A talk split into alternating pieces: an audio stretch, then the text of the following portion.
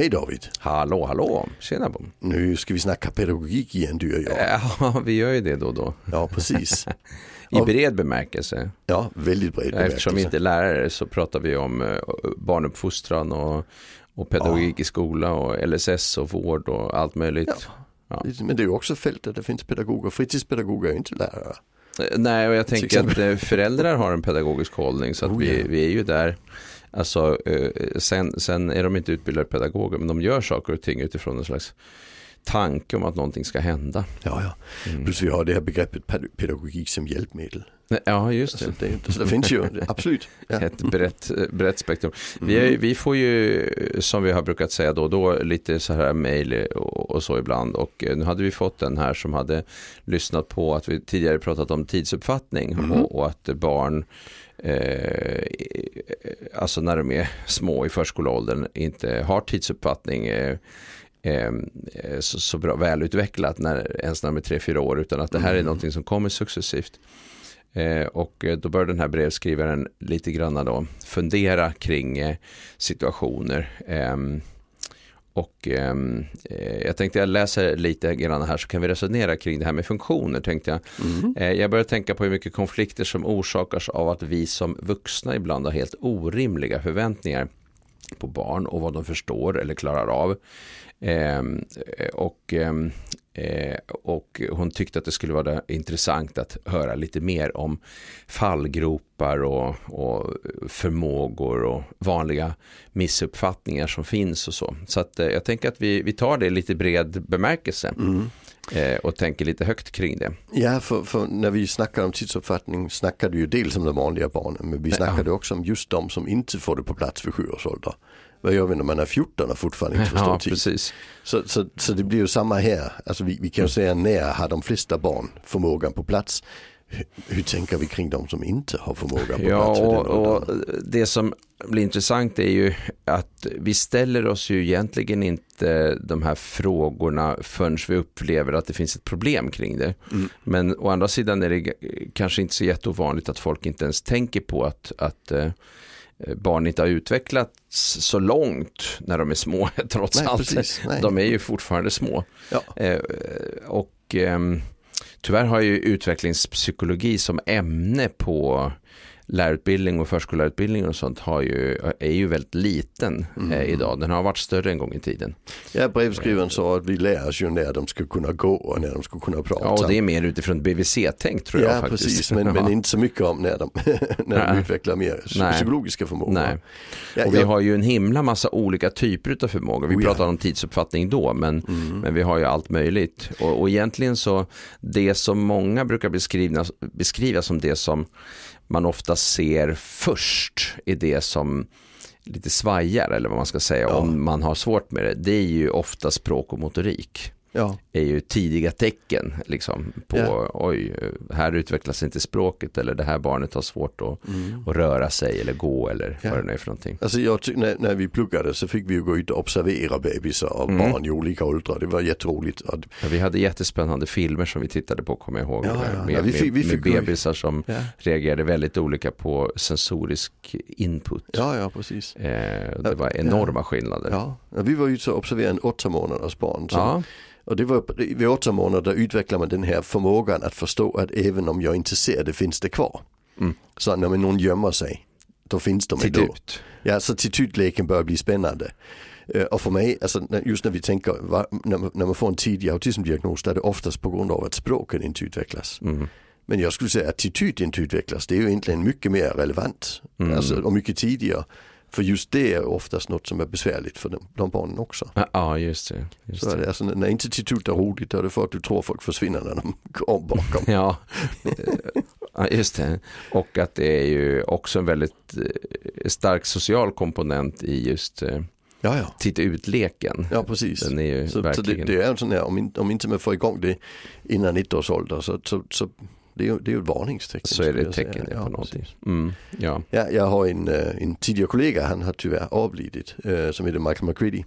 Äh, och han var väldigt intresserad i just de här, alltså de riktiga stolparna i Piagets tänkande. och vid tre års ålder där lär barns, eller håller barn på att ta reda på om, alltså om du har en deciliter vatten då kan den vara i ett litet rör, då är den väldigt högt. Mm. Eller den kan vara i en bred skål, då är det väldigt lågt. Men ja, det är samma det. mängd. Just det, och det är svårt för barnet att förstå att, att det är samma mängd. Det, är samma utan det mängd, ser mycket ja. mer ut när det är högt än när det är lågt. Ja, och sen ungefär i treårsåldern, då börjar man ju hålla på med det, hälla från en sak till en annan. Mm. För, att, alltså för att det är lite konstigt, det är ju lika mycket vatten liksom. Mm. Uh, och där gjorde han ju experiment med vuxna personer med autism och, och även med Aspergers syndrom. Ja. Alltså, som, när man ger dem en Coca-Cola och ett glas. De flesta drack ju flaskan. Och sen mm. sa han varför dricker du flaskan? Och sen sa ju väldigt många för annars blir det mindre om jag häller upp det. och det tyckte ju han var jätteintressant. Alltså, var det så, någon särskilt form på det där glaset? Då? Ja det var ganska brett glas. Liksom. Ah, okay, ja, okay. Som, som, så, så, det, det, tycker jag är lite spännande det här med att att, att förmågor kan till synas inte vara där fast vi trodde de skulle vara där. För det är ingen som förväntar att en tvåårig förstår att det är lika mycket men en treårig, fyraårig, då börjar vi förvänta det. Men det intressanta är ju först i det ögonblicket vi kommer ut över den åldern. Och, vi för, och därför förväntar vi det. Just det. Det, det är det som blir intressant tycker jag. Det här är en liten intressant grej som jag då observerat eh, för jag någon gång varit på krogen och eh, sett att eh, de har börjat med sådana här jättelika isbitar. Och jag undrar om det är för att kunderna ska uppleva att deras drink innehåller mycket, mycket mer dryck eftersom den här isbiten är så stor. Mm. Så att eh, det, det klättrar upp på kanten. Ja, precis. Det kan ju vara så. det är en sån här PG-liknande experiment bland vuxna krogbesökare. Ja, när du får lite på lyran så, så åker PG ut. Nej, men jag tyckte det var ganska fascinerande ja. för det kändes så jävla barnsligt. Man stoppar in en jättelik isbit och tror att alla ska tycka att ja, men då är det jättemycket glaset. Ja. Eh, så, det, så är jag tre eller? Ja. Men, eh, eh, men det där är en ganska intressant grej och jag vet att eh, eh jag känner på förskollärare som jobbar jättemycket med, med barn, eller de jobbar som förskollärare med, med barn i de yngsta åldrarna, alltså mm. ett och två år och sådär. Eh, och tre, och att de jobbar just med, eh, med de här eh, eh, begreppen som stor och liten och mer och mycket och sånt där mm. och att de häller och olika vätskor och det blir högt och lågt och alltihopa. Mm. Och så jobbar de med de här begreppen som ju egentligen är matematiska begrepp också, mer ja. än och mindre än och, och sådär. Och jag tycker att det är spännande att, att när jag hörde dem beskriva hur de jobbade med det Ehm, eh, just för, för, alltså med matematiska begrepp för ett och två år. Man tycker så här, kan man jobba med matte med ett och tvååringar? Eh, så. Men, men, eh, men, men det är intressant. Det vi dock ser är ju den här enorma variationen. Ja, precis. Eh, som ju är verkligen påtaglig. Och jag tänker på språk, om vi börjar med språk till exempel som ett sånt här stort område. Eh, så man brukar ju ha sån här, man har ju sådana här mått, man pratar om eh, vid ett år, ettordssatser, vid två år, tvåordssatser. Men det stämmer ju ganska dåligt egentligen, mm. för vi har ju massa tvååringar som pratar hela meningar. Mm. Och inte bara tvåordssatser utan liksom långa meningar när de är två. Och det är jättestor skillnad på vad två år och en månad och vad två år och, ni, och tio månader eller elva ja, månader Ja, precis, ja. Ehm, eh, och att, eh, men en grundläggande princip som en del brukar beskriva det är att vid tre års ålder så eh, ska man kunna föra en dialog med en treåring. Mm. Alltså man ska kunna föra en dialog med en treåring fram och tillbaka. Liksom mm. Och jag eh, stöter på en hel del personer som jobbar i förskolan som, eh, ja, men som inte är bekymrade över språkets utveckling men där de absolut inte kan föra en dialog med treåringar. För, att det sitter inte den där idén om mm. att man ska faktiskt ha kommit, alltså de flesta treåringar har kommit ganska långt ja. i sin språkliga utveckling och då bör man bli lite bekymrad och orolig om det är så att man, man eh, eh, ligger väldigt eh, lågt. Jag, jag, tycker den här eh, boken som handlar om språk och, och eh, språkstörning och den typen som Anna-Eva Hallin har skrivit mm. eh, tillsammans med någon här för mig för förskolan eh, i natur och kulturs för, eh, serie. Där har hon långa listor på sådana här saker som man mm. bör ha lite koll på. Jag tycker att det är att rekommendera att man faktiskt ändå kikar på den för att förstå lite grann. Vad är det egentligen vi kan förvänta oss när det gäller språk eller vad är det egentligen vi ska bli oroliga för när det mm. gäller språk? Och det är väldigt mycket då expressivt språk de tittar på eller? Ja, det vet jag inte exakt. Mm. Nej, det finns säkert förståelsebitar också. Ja, för, för jag tänker det, det, jag upplever ju ofta att vi mäter språket på det, på det uttrycket. Mycket på vad de säger ja. och, och, snarast än, ja. än förståelsebiten. Men det finns ju förståelsebitskomponenter som är jätteväsentliga. Ja, men vi förväntar ju ofta att barnen förstår betydligt mer än de kan, de kan prata själv. Ja, mm, just det. Så, så jag, jag, jag upplever så... att vi, där, där är det många överförväntningar på språkförståelse. Vi har många hög, för höga förväntningar. Ja, ja mm. verkligen. Jo, det, det tänker jag också. Mm. Och sen, och sen eh, jag, bara, jag bara tänkte mm. på det där med motorik, om vi bara tar de här två. Så man brukar ju prata om att barn, alltså det är normalitet att gå mellan, att man börjar gå mellan 9 månader och 18 månader. Yeah. Mm. Men det är ju ett jättestort spann. De flesta går kring spann. året. Ja. Men 9 till 18 månader, och, men är man fortfarande, går man inte efter 18 månader så anses ju det vara väldigt sent då. Ja. Eh, och jag, jag tror... gick vid två och ett halvt. Eh, du gjorde det? jag kan tro det. Nej, eh, men, men det är ju intressant alltså eh, just det där att, ehm, att eh, eh, att man liksom på något sätt inte pratar tillräckligt mycket om den där typen mm. utav, utav, för att viss typ av stimulans kan man också då behöva när det gäller språk till exempel eller när det gäller eh, motorik ja. eh, också. Jo absolut. Mm. Jag tycker motorik har vi ju blivit, jag skulle säga, borgarklassen har blivit bättre på motorik de senaste hundra åren. Arbetarklassen hade nog aldrig varit något större problem av den orsak att man har fått släppas fri för det fanns inte så många andra möjligheter. Men, men just i, i den mer förmögna klassen där var ju barn ganska hårt hållna förr i mm. tiden och lindade väldigt länge. Och så. Ja, just det, lindade ja. Ja, precis. Till och med. Så, så, så, idag är det mycket mer stimulans. Vi, mm. det har vi ju lärt oss. Det kom väl på 60-70-talet på allvar att barn ska leka, barn ska röra sig. Just det. Och det har till och med visat sig vara en av de riktigt viktiga faktorer för barns akademiska utveckling. att de rör på sig? Ja, i Hattis uh, lista, den har vi snackat om tidigare, där, mm. där är ju en av dem som faktiskt gör skillnad. Ja. Man rör sig framförallt i naturen, Just det. äventyr. Ja. John Hattie som eh, har gjort massa skolforskning, han hade ja. en sån variabel som mm. handlade om det. Som var en av de kraftigaste, den var kraftigare än, än formell undervisning i många fall. Det är ju spännande. Det var jätteintressant.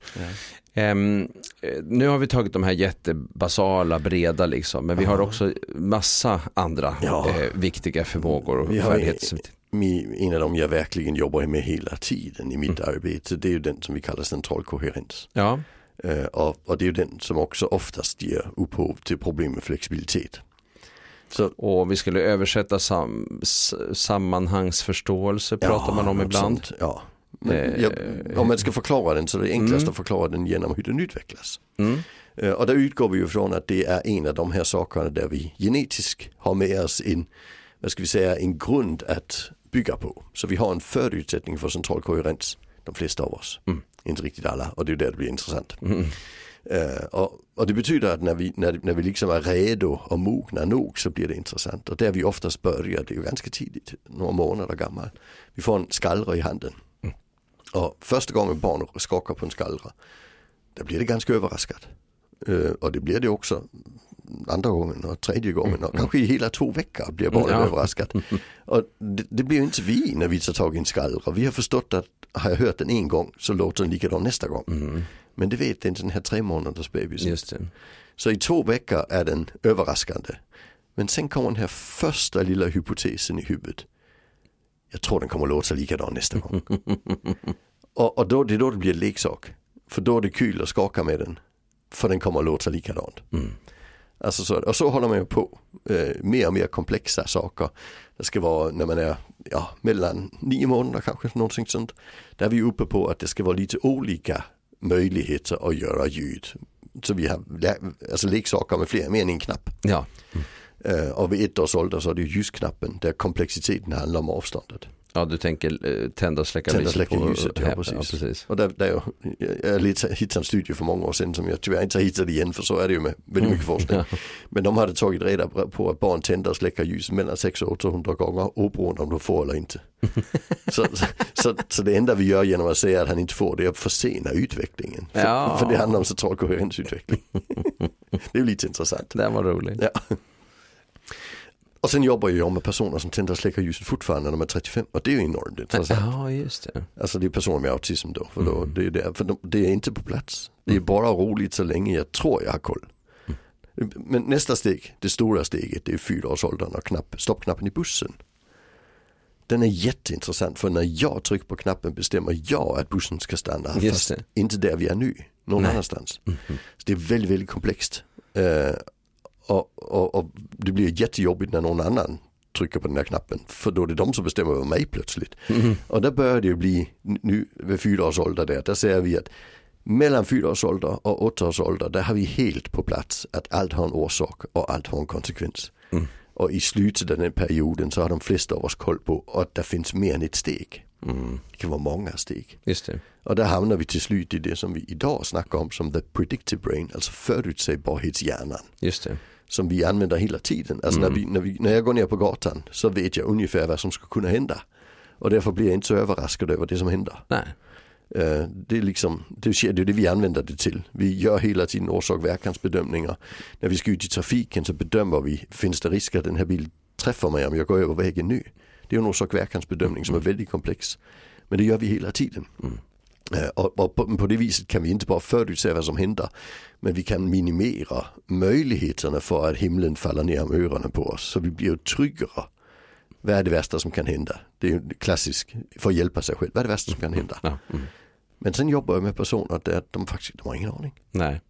Och då blir det ju jättebesvärligt. Mm. När, när jag inte vet vad det värsta som kan hända är. Det motsvarar ju att köra på en motorväg i dimma och köra 120 km i timmen. ja.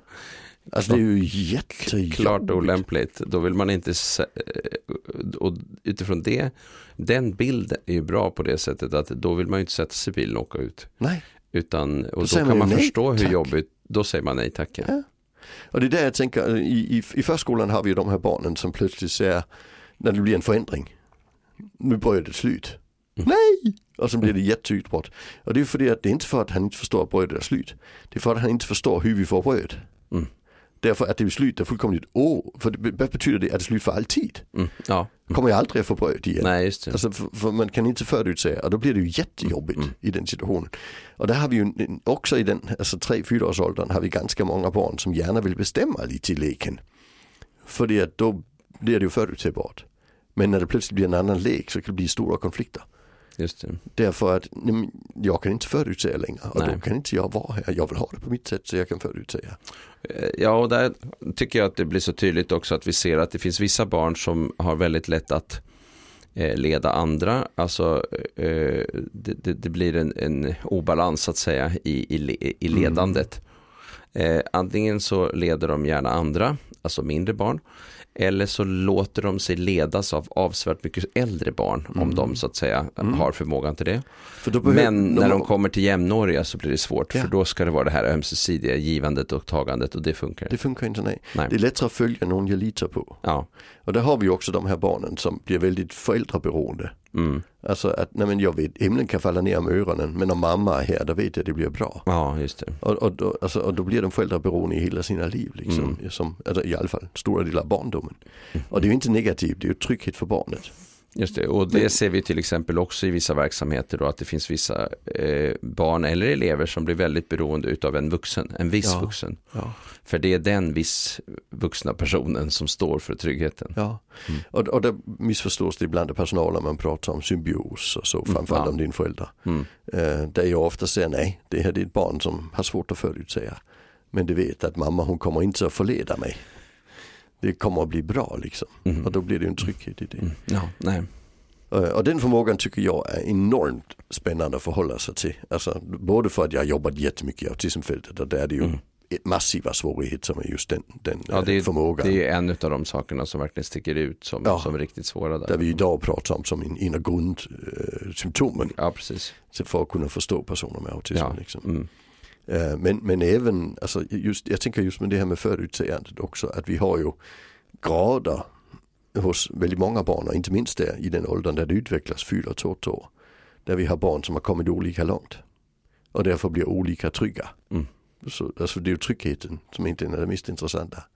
Tycker jag. Mm. Att vi förväntar att han ska kunna, ja, vi har en klassiker, det är de gamla läraren jag hade. Eh, klassen åkte på utflykt och sen blir det regn. Mm. Och sen åker de i tåg tidigare hem. Det är bara det att man hade ju avtalat med ett av barnen som var lite, hade lite svårare än de andra. Att mamma skulle hämta på stationen. Ah. De åkte tåg på utflykt. Uh, för att få henne tillbaka till skolan först och sen hämtar mamma det. Det blev för många skift liksom. Mamma hämtar på stationen och sen glömde man ju informera mamma om att vi åkte med tidigare tåg. Och då blir det fullkomligt kaos på stationen och det är ett jättedåligt ställe att ha fullkomligt kaos med, ja, med ett barn av 28. Eh, och det är en, en tjej i sjuårsåldern där som blir, där det blir jätteproblematiskt. För ja. att de andra har förståelsen av att om inte mamma är där så kan jag hänga med till skolan, det löser sig. Mm, ja. mm. Men hon har inte den kunskapen. Hon har inte den förmågan. Nej, Nej hon precis. kan inte räkna ut vad som ska hända då.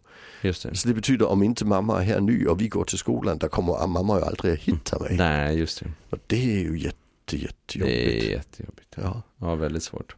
Och, och då är det lätt att ha en förväntan utifrån en normal förståelse om mm. vi har ett barn som inte är helt med i, i den utvecklingen. Just precis. Eh, vi har ju också det här som man, eh, begreppet som man brukar använda sig av som eh, man kallar mentalisering. Ja. Ehm, att, eh, eller theory of mind, ja. Eh, att förstå att andra kan tänka och känna annorlunda än man själv gör. Ja, jag brukar säga, alltså, jag brukar beskriva just mentaliseringsbegreppet via att säga att alltså, vi, vi, ska, vi ska ha en förståelse för att du är du och jag är jag. Och vi ska ha en förståelse av att du kan få känslor och jag kan få känslor och det kan påverka situationen. Och sen ska jag ha en förståelse av vad kommer det att påverka framåt. Och mm. just där, där är ju central koherens en stor del av ja, mentaliseringen. Mm. Så sakerna är ju sammanflätade någonstans. Det är ju inte bara en mentaliseringsförmåga, jag kan sätta mig i ditt ställe och, och sen en annan orsak-verkansförståelse. Mm. Utan är orsak-verkansförståelsen sämre, då kommer mentaliseringen också fungera sämre det hör ihop på det sättet. Det hör lite ihop, ja precis. Ja. De samvarierar ju också, det är därför vi använder ja. dem i samma diagnos. Just det. I autismdiagnosen är det ju de som är de, de basala svårigheterna. Liksom. Och sen kan de påverka eh, eh, liksom de sociala aspekterna kan man säga. Ja. För man pratar ju om sociala samspelssvårigheter mm. också som en funktion. Ja. Eh, men de är också kopplade till eh, mentalisering eh, mm. bland annat. Ja. Jag tycker det, det mest spännande är att beskriva det här med att kunna förutsäga avsikter. Mm. Alltså vi, vi, vi, kallar det theory of mind begreppet, det ser vi att kunna förutsäga andras tankar, känslor, handlingar och avsikter. Och avsikter. Ja. Och avsikter är den jag tycker är mest spännande där, för det, den handlar verkligen om framtiden. Mm. Så central koherens och det här med the predictive brain, alltså att kunna förutsäga när jag går ut på gatan, vad händer då? Vad kommer kunna hända? Vad är, vad är möjligheternas gräns för vad som ja, skulle kunna det. hända? Det är ju det som är det viktiga för att vi ska vara trygga mm. i det sociala fältet. Om du då har svårt att beräkna folks avsikter, där finns det ju jättestor risk att du råkar illa ut. Eh, jag jobbade för några år sedan med Rikspolisstyrelsen. Mm. Eh, och det var för att de sa så här att de hade gjort en kartläggning och kommit fram till att hälften av alla kontakter de har, poliser har, Mm, ute i samhället liksom. Ja, är med personer med särskilda behov. Ah. Mm. Uh, och vi visste ju att väldigt många brottslingar har särskilda behov. Mm. Alltså folk som är inlåsta i fängelse över mm. två år, där är det ju ungefär 50% får en ADHD-diagnos när de kommer på utredning på Kumla. Om inte ja. de hade den i förväg. Det har legat mellan 47 och 52 procent ja. de senaste 20 åren. Liksom, men, men, men ger ut statistik varje år. Uh, men de sa även vittnen. Även vittnen? Ja för att de andra har ju gått så vitt de står men, kvar. Men är du dålig på, på avsikter så står du ju kvar i en situation mm. där de andra har förstått att det här blir en dålig situation. Ah. Och därför är det också just brottsoffer, är det väldigt många med särskilda behov också. Mm. Varför är man kvar i den situationen? Varför går man med den personen? För man är dålig på att, att förutse avsikter. Just det. Ja. Och sen den sista gruppen de tog upp, det var ju personer som lämnar in polisanmälningar. Där, där, men det är ju en annan grupp då, alltså personer som lämnar in väldigt många polisanmälningar och känner sig förföljda. Så de tar väldigt mycket plats i polisens, ja. Eh, av polisens tid liksom. Så per anmälan är det en övervikt av personer med särskilda behov. Ja, ja. ja. Så, så på alla sätt och vis så är hälften av alla kontakter. De säger också, går vi på gatan så snackar ju inte folk med oss, men det gör de med särskilda behov. Mm. Ja, det, är intressant. Det är också intressant. Ja, ja. Precis. Mm. Så att eh, de träffar väldigt, väldigt många personer ja. med olika typer av uh, funktion, uh, sätt att fungera på kan man ja, säga. Precis, ja. Mm. Mm. Jo, jag träffade en, en polisstuderande eh, nyligen, mm. alltså, som går på polisskolan. Som, för det, det, det projektet mynnade ut i, det var att vi gjorde några filmer, eh, där, bland annat där jag snackar, men också där man har filmat olika situationer som har hänt, mm. som man har gjort med skådisar då. Eh, där vi snackar om personer med särskilda behov. Ja. Hur ska vi förhålla oss när det är en person med demens? Hur ska vi förhålla oss när det är en person med autism i några olika situationer? Uh, och han sa det var alltså, det, det, som han tyckte var besvärligt, han hade jobbat inom LSS innan han blev polisaspirant. Uh, så han förstod ju liksom att det här kommer att finnas. Men han sa väldigt många har ju aldrig träffat en person med särskilda behov. Mm, och så kommer hälften av deras kontakter. Just det, att vara det. Ja. Mm. Och, och där ser jag ju Damien Milton eh, som jag tycker, han är också en idol för mig. Mm. Eh, han, han, säger ju, han skrev en artikel, han sa att eh, alltså det är ju inte bara en empatistörning, det är ju en dubbel empatistörning. Alltså personer med särskilda behov har svårt att förutsäga andras beteende. Men andra har svårt att förutsäga personer med särskilda behovsbeteende. Ja, just det. Ja, för de mm. beter sig annorlunda än vi har förväntat. Och, då blir, det. och det handlar om, förstår du inte orsak och verkan, Nej. kommer du att bete dig annorlunda än folk förväntar. Mm. Mm. Och det kommer innebära att det blir situationer som blir. Som blir, vi, vi säger att blir fel, men det är inte säkert. Men, men i alla fall blir oväntade för omgivningen. Och det är ju jätteintressant tycker Väldigt, jag. verkligen. Och då är det väldigt olika hur vi reagerar beroende mm. på vilken föreställning vi hade om, ja. om vad personer ska kunna. Och det handlar ju också då om, om kunnande. I en professionell värld så måste man ju eh, eh, förstå sig på de här komponenterna eftersom man stöter på dem. För det finns ju ingen lärare eller förskollärare idag som, som eh, inte kommer att stöta på personer med olika typer av särskilda behov. Nej. Utan det. Eh, det. är ju eh, standard att det, det, det, det finns en spridning på alla på alla mm. ställen. Mm.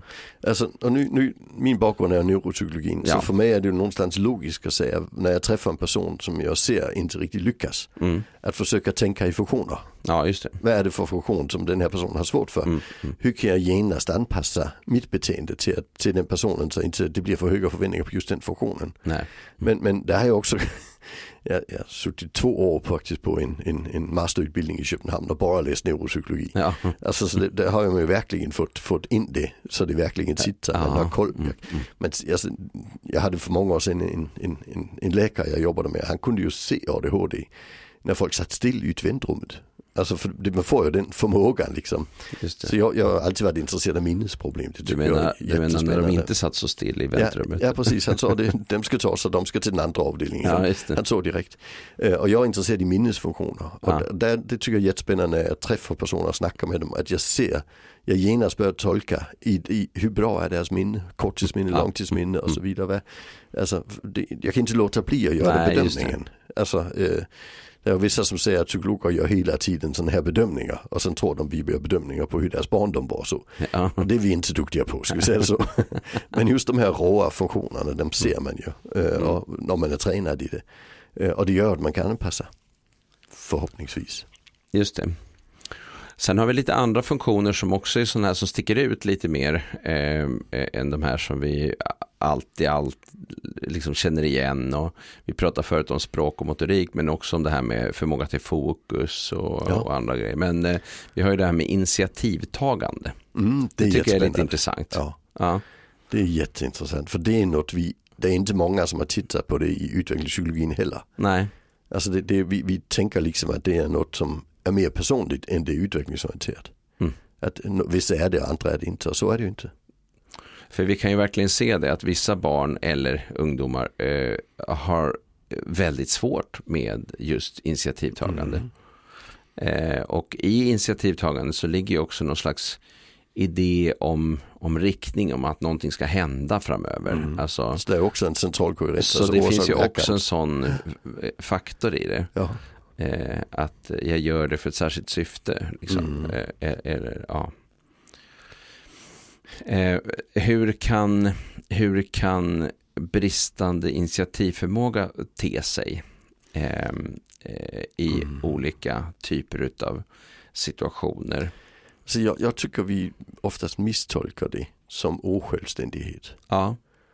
Alltså, han sitter ju bara och, och, och förhåller sig till det som kommer. Han tar inga mm. egna initiativ. Nej, han är en osjälvständig person. Det tänker jag inte det absolut hänger ihop. Mm.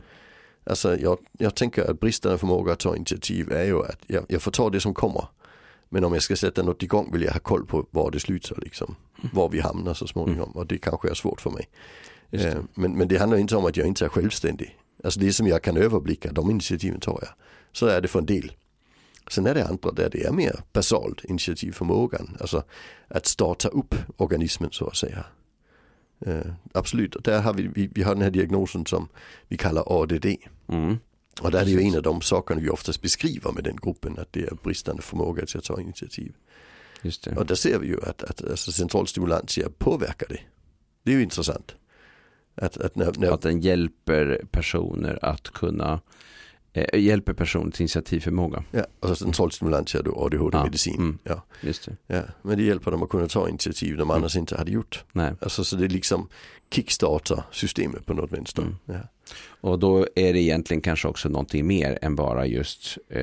Ja, då är det inte bara orsak verkansförståelse. Nej, precis. Då är det lite med motorn. Då är det motorn också ja. ja som, som liksom inte riktigt är Att igång. Att dra igång startmotorn. Ja. Mm. Mm. Som, som också kan ställa till det. Mm. Just det. Och det, det, vi har en debatt i, i media också som jag tycker är lite rolig. Eh, det här med, eh, eh, det, det börjar egentligen med en, en debattartikel av en eller en, en krönika var det väl i, i, i DN, om det här med äh, svenska män som inte tar initiativ. Ja, precis, i datingsammanhang. Ja, ja, det tycker, mm. jag, det tycker jag är jätteroligt. Det var jättespännande. ja, jag tycker inte det är roligt för att jag har åsikter i det. Jag tycker det är roligt att se på det som psykolog utifrån. Liksom. Ja. alltså det här med att, vad har hänt och det bästa det är ju det när, när sen en, en person med en känd ADHD-diagnos som gärna snackar om det gå ut och, och säga nej, jag tar inget initiativ. Jonathan Unge. Ja, det. det får man räkna med. ja, just det. Så, och sen blir, sen, han, är ju, han är ju rolig, han, det är ju det han lever på. Men han säger också att, att, att sen blir det ändå folk blir irriterade även om de känner honom. Ja, just det. Och det handlar om att vi förväntar ju av en, att en mans roll är att ta lite fler initiativ. Ja, eh, och man förväntar sig det utav en vuxen också. Eh, så mm. att, och just den där debatten handlade om det, men, men också att som vuxen så ska man vara initiativtagande och är man inte det så är man eh, typ lat. Ja, det blir lite Eller så. Ja. Eh, ointresserad, alltså, ja. alltså självupptagen på ett tråkigt sätt liksom, mm. kanske. Eller att man stoppar in massa personlighetsvariabler ja. som är som, som det kanske inte, som det liksom inte handlar om utan det handlar om en funktionsnedsättning. Om det nu är en funktionsnedsättning och det var ja. det ju i det här fallet. Ja, ja precis. Så mm. tänker jag också. Jag tycker det är spännande också att Alltså jag har alltid sagt att lättja är den, eh, en del av den mänskliga motorn. Mm. Alltså det här med att hade vi inte varit lata så hade vi aldrig uppfunnit något. Nej men då hade vi suttit där vid lägerelden fortfarande. Och... Ja, ja och, och, gjort det hårda jobbet på det dåliga sättet. men idag så har vi sett till att vi behöver inte göra så hårt jobb, det löser sig ändå. Ja. Men det ska ju paras med initiativförmågan. Ja. För, att, för att just göra de här förbättringarna så vi kan vara lata. Ja annars så går det ju inte. Annars går nej. det inte, nej. nej. Men, men, men lättjan och initiativförmågan behöver vi i, i samhället i alla fall. Mm, mm. Men det är klart att vi, vi är olika lata och vi är olika initiativrika. Ja, verkligen. Inte konstigt. Verkligen. Mm. Och, och, det är ju inte bara det är inte bara utvecklingspsykologi heller, mm. utan det är en viss kultur i det också. Mm. Mm. Att, uh, alltså, vi, kan ju, vi kan ha en kultur att i vår familj där är vi inga sådana som, som, gör, som tar egna initiativ. Vi står här med hatten i handen, sån gammal arbetarklass tanke. Och sen har den andra delen av arbetarklassen som verkligen står med knuten näve istället, eller hur? Mm, mm, ja, alltså som ja. tog initiativ. Så vi har lite olika vinklar Just det. på de här Just sakerna. Ja, ja. Det det. Men det är spännande för, för det är en av de sakerna som ju har blivit så att läser du en jobbannons ska det stå initiativrik. Ja, social och initiativrik och flexibel. För det ska vi ja. snart gå in på tänker jag. Ja. Men, eh, men det är ju intressanta aspekter. De är ju väldigt, väldigt vanliga där. Ja. Eh, och de och säger innebär... något om vårt samhälle. Ja, för då alltså, premierar vi den typen, då mm. betyder det att vi inte premierar avsaknaden av dem. Nej, just det. Och, och det, det, är ju intressant. Nej, och det gör vi. Och det är också någonting som ju har diskuterats det här med, eh, också när det gäller chefstillsättningar, att, eh, alltså delar vi, sätter vi alla på en, på en rak linje så kommer vi ha de som är extremt extroverta i ena änden och extremt mm. introverta i den andra änden. Och, och, någonstans på mitten så, så finns det en gräns. Och, och, men den nedre gränsen har inte lika stora chanser ibland då till att just bli chefer, den introvertare. Medan eh, det finns enorma förmågor där som man borde ta vara på. Ja, precis. Eh, och att det inte är säkert att de, just de extroverta alltid är så himla lämpade för att eh, ta vissa chefspositioner. Eh, så, att, så att det där är också en, en intressant eh, eh, fråga. Ja, vi hade för, för många år sedan i Lund ett försäkringsbolag som skulle starta upp. Och där började de ju med att personlighetstesta de som skulle börja starta upp det. Ah. Och de skulle ju sälja försäkringar. Ja, så det var ju liksom extraversion ja. och sådär. Och sen fortsatte man med samma profil när man anställde skadereglerare sen. Det blev inte bra. Nej, det blev inget bra. ja. Eh, skadereglerare ska vara noggranna och, och, klara av att hålla på med, med, rutinuppgifter. Och det gör kanske inte den extraverta väldigt sociala. Just det, det är väldigt intressant. Och där, eh, där är det ju spännande när man liksom pratar om det här med behovet av att eh, se till att få en bredd på till exempel en arbetsplats mm. av olika typer av förmågor. Så att det inte är samma hela tiden för att ja, då, då, då, det blir liksom inte bra helt nej, enkelt. Nej, vi, har, vi har olika uppdrag. Vi har ja. olika uppdrag och det är viktigt. Ja. Eh, jag tänkte på flexibilitet då som ju faktiskt också är en, en förmåga. Ibland pratar vi om kognitiv flexibilitet, alltså förmågan mm. att kunna liksom byta tankespår och sådär. Man har bestämt något och sen så ändras det och nu ska vi göra på ett annat sätt och för vissa är ju det där jättesvårt. Ja. Jo, och, och det, är, det är en av de riktigt roliga tycker jag, för det, mm. den får sådana enorma konsekvenser. Ja. Alltså även, även alltså på, i politiken. Alltså äh, kognitiv, personer som inte är så kognitivt flexibla har en tendens att bli konservativa. Kon, kon, konservativa. Konservativa. Ja. Mm, ja. Och, och, och, det är ju logiskt någonstans. Mm. Alltså, men, men där snackar vi om en förmåga så det är ju jättespännande. Det har man inte sagt att alla konservativa är, Nej, är inflexibla inte. kognitivt. Men, men det är klart det får någon, någon, någon, någon vinkling. Mm. Och det ska man också förstå, tycker, så fort vi snackar flexibilitet måste vi förstå att flexibilitet är kopplat till ångest. Mm. Alltså, det handlar om att det händer något jag inte har förväntat och det ja. skapar ångest. Mm. Det är något som jag inte jag trodde skulle vara så. Mm. Så vi är lite tillbaka i, i, i central koherens men ändå inte. Mm. Jag har en, en, situation jag brukar använda som exempel och det är mig själv. Uh, jag hade en sån gammal rock. En sån här yllerock som uh, fina herrar uh, har. ja. och, och, de kan hålla i många generationer mm. och min den fick jag 77. Det var min pappas chef som hade slitit den i 20 år tror jag. Sen gav han den till min pappa. För, för det han det var, vi fick lite kläder från honom för han tyckte vi var lite fattiga. Istället för att betala pappa bättre lön så fick vi lite kläder ibland. Aha, så kan det vara, ja. I alla fall så tyckte pappa de var för fin för honom. Men det tyckte inte jag var för mig. För jag, Nej. jag satte ju på lite sydde märken så pappa sa att jag fick aldrig ha på den till jobbet när jag skulle hälsa på på hans jobb för det hade varit hans chefs gamla. En, en skam. Ja en skam, men den hade jag och den hade jag fram till ja, 2004 tror jag det var, julafton. Där öppnade jag ett äh, paket från min fru. Mm. Uh, och det var en annan rock i. Det var en annan rock där i? Ja. och jag hade haft den här i 25 år. Ja, oj. Ja, 27 år till och med. Mm. Och plötsligt så var det en annan rock. Ja. Och jag hade ju tagit av de här märkena men den var fortfarande fin tyckte jag. Men mm. alltså det var, fodret hängde ju inte ihop längre. Den var ju, alltså, chefen hade slitit på den i 20 år, jag hade slitit på den i 27 år. Alltså, Precis, den skulle behövt en upprustning om man nu skulle vilja det. Ja, men hon tyckte väl att det var dags för Nu var det dags att ha något snyggt igen. Och jag kommer ihåg den här känslan att men, men min rock är ju jag. Ja. alltså, vill hon inte att jag ska vara jag? Nej, just det. Och jag har en väldigt klok fru som hon sa. Men äh, vänta tio minuter och sen provar du den. Sen kan vi snacka om det. Jag tror du behöver tid att vänja dig. och sen hade jag en sån jätterolig upplevelse för ett par år senare så körde jag och Trine Yrskog sådana här grupper för personer med autism om mm. självförståelse. Och där tog vi upp just det här exemplet som ett exempel på bristande flexibilitet. Ja. Och sen bad vi de här ungdomarna att gradera min flexibilitet och deras egen. Och det var personer med autism, så mm. deras flexibilitet är ju betydligt sämre än min äntligen. Mm. Men de graderade mig långt, långt, långt borta och de på grund av den precis, historien. och de själva precis i mitten. för som de sa, det är ju inte för att jag inte kan, det är för att jag inte vill. Nej. För det är ju så, vi, det är också så jag tänkte i situationen, jag vill inte ha en ny rock. Mm. Så vi tänker vilja fast i verkligheten är det ju ångest. Mm. Och, och en förmåga vi pratar om. Just det. Och det är jättespännande. Alltså, för det är ju, om vi ska ta upp en sista sak, då är det just det här med att snacka vilja. Vilja ja. ja mm. För det är ju också, det är inte bara initiativ man kan ha svårt för, men Nej. utan det är ju viljan. Mm. Och, och, och då tänker jag, och det vet jag inte om du gör också, vi kommer ju ändå från samma bakgrund mer eller mindre när det kommer till det vetenskapliga, eh, att vi har ju ingen vilja. Det är ju inte intressant. Äh, nej. vi agerar på vi den information som viljelösa vimplar i en stormvind. Ja. Nej. nej. Vi agerar utifrån den information som finns i situationen. Nej, ja. mm. Och beroende på våra förmågor lyckas vi mer eller mindre bra. Men vi kallar det vilja. Eh, I, I många situationer. Det är väldigt sällan vi sätts i en situation där jag ska välja mellan två helt likvärdiga saker. Nej, de är oftast inte så likvärdiga. Nej, och Nej. det är lätt att välja tycker jag. Mm. Alltså, men, men det är ju för att jag bara agerar utifrån, ja, jag, jag, jag kan välja det, inga problem, det kvittar ju egentligen. I väldigt många situationer när saker är ganska likvärdiga kvittar det. Så då behöver jag inte hålla på och vila.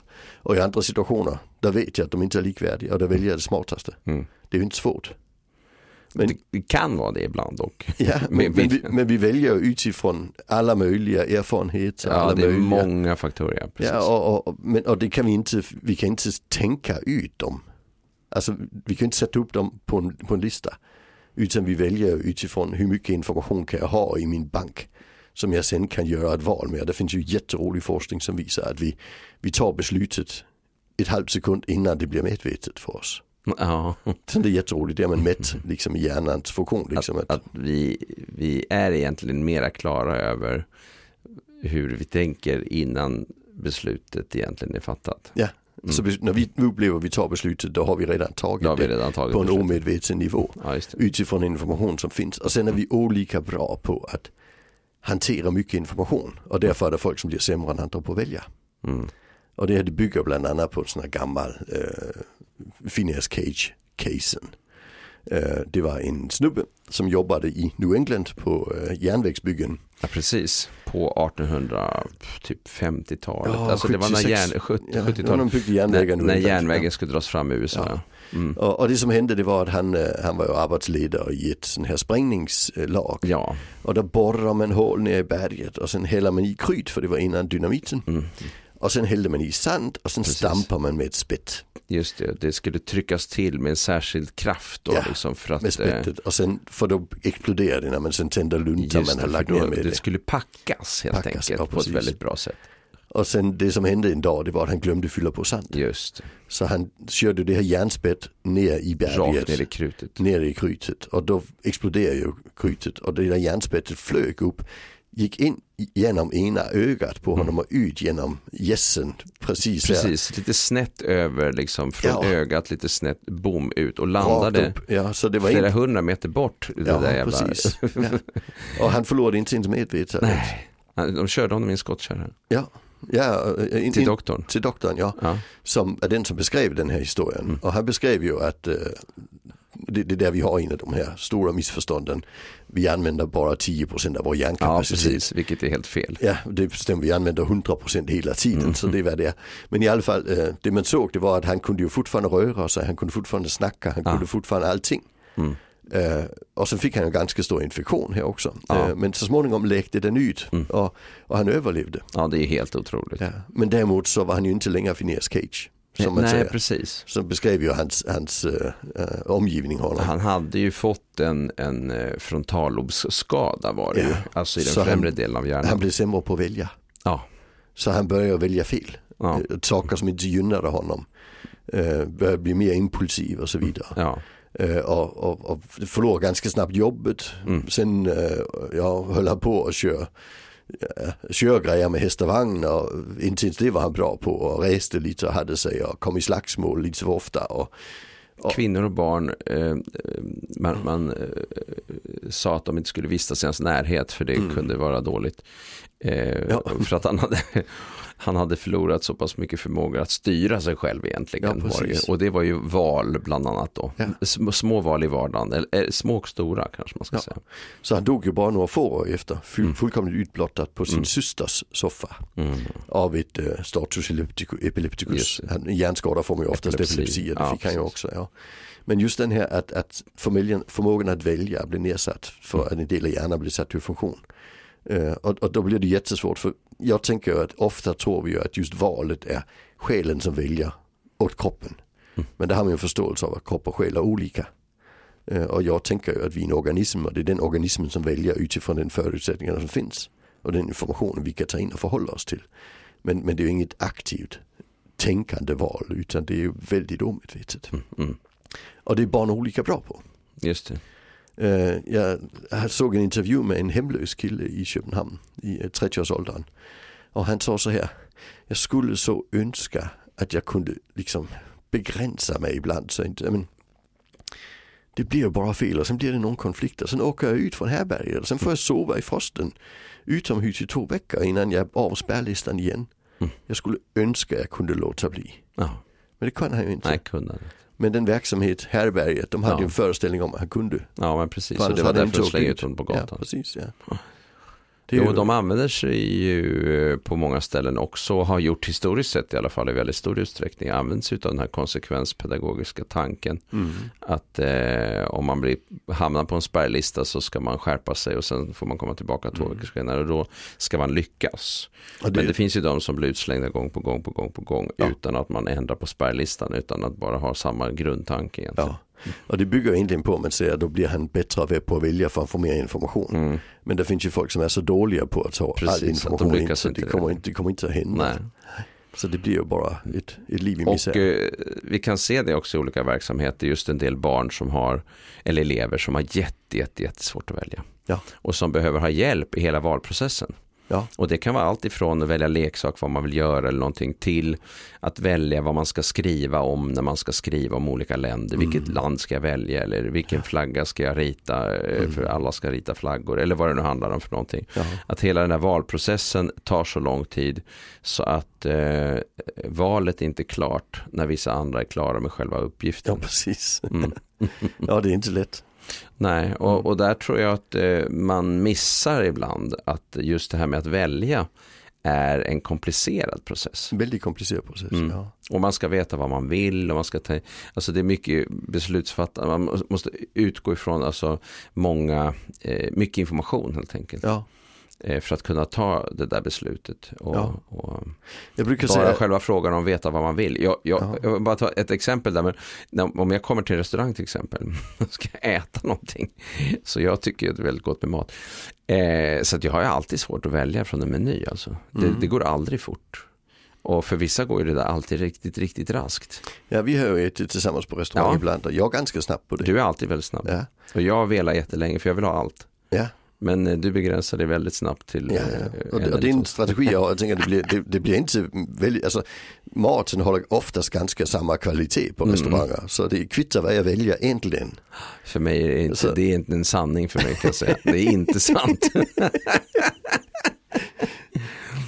Ja. Så, och sen har vi, alltså sen, sen, just den situationen är rolig också. För där, där, är också, alltså, där tittar jag på ja, men, är, är det för vin de har? Ja. ja och, och, vilken mat passar bäst till det vin Precis, jag har lust där tar det lite längre tid för dig. För mig. Ja, för, för där, där, men, men, det är ändå, det går jag ändå inte bara efter nej, äh, nej. att jag kan välja fritt. Nej, Utan vi, om jag har hittat vinet då hittar jag också maten ja, väldigt enkelt. Men, men, jag måste se vad de har först.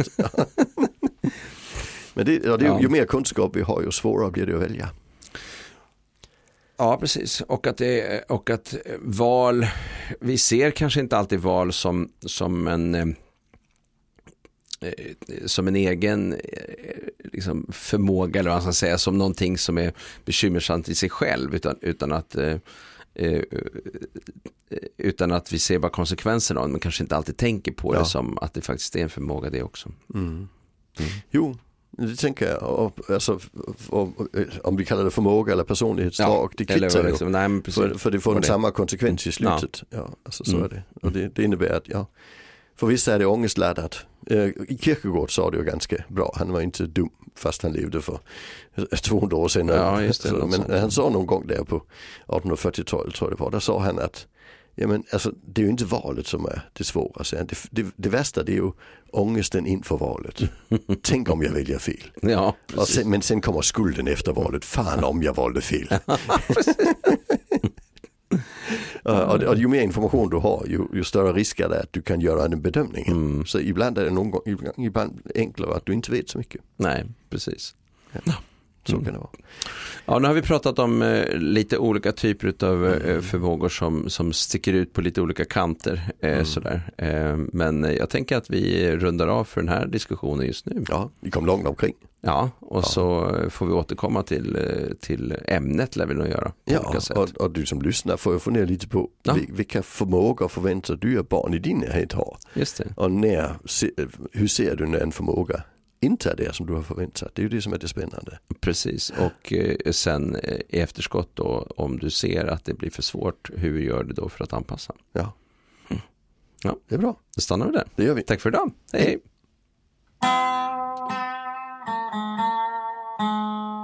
hej.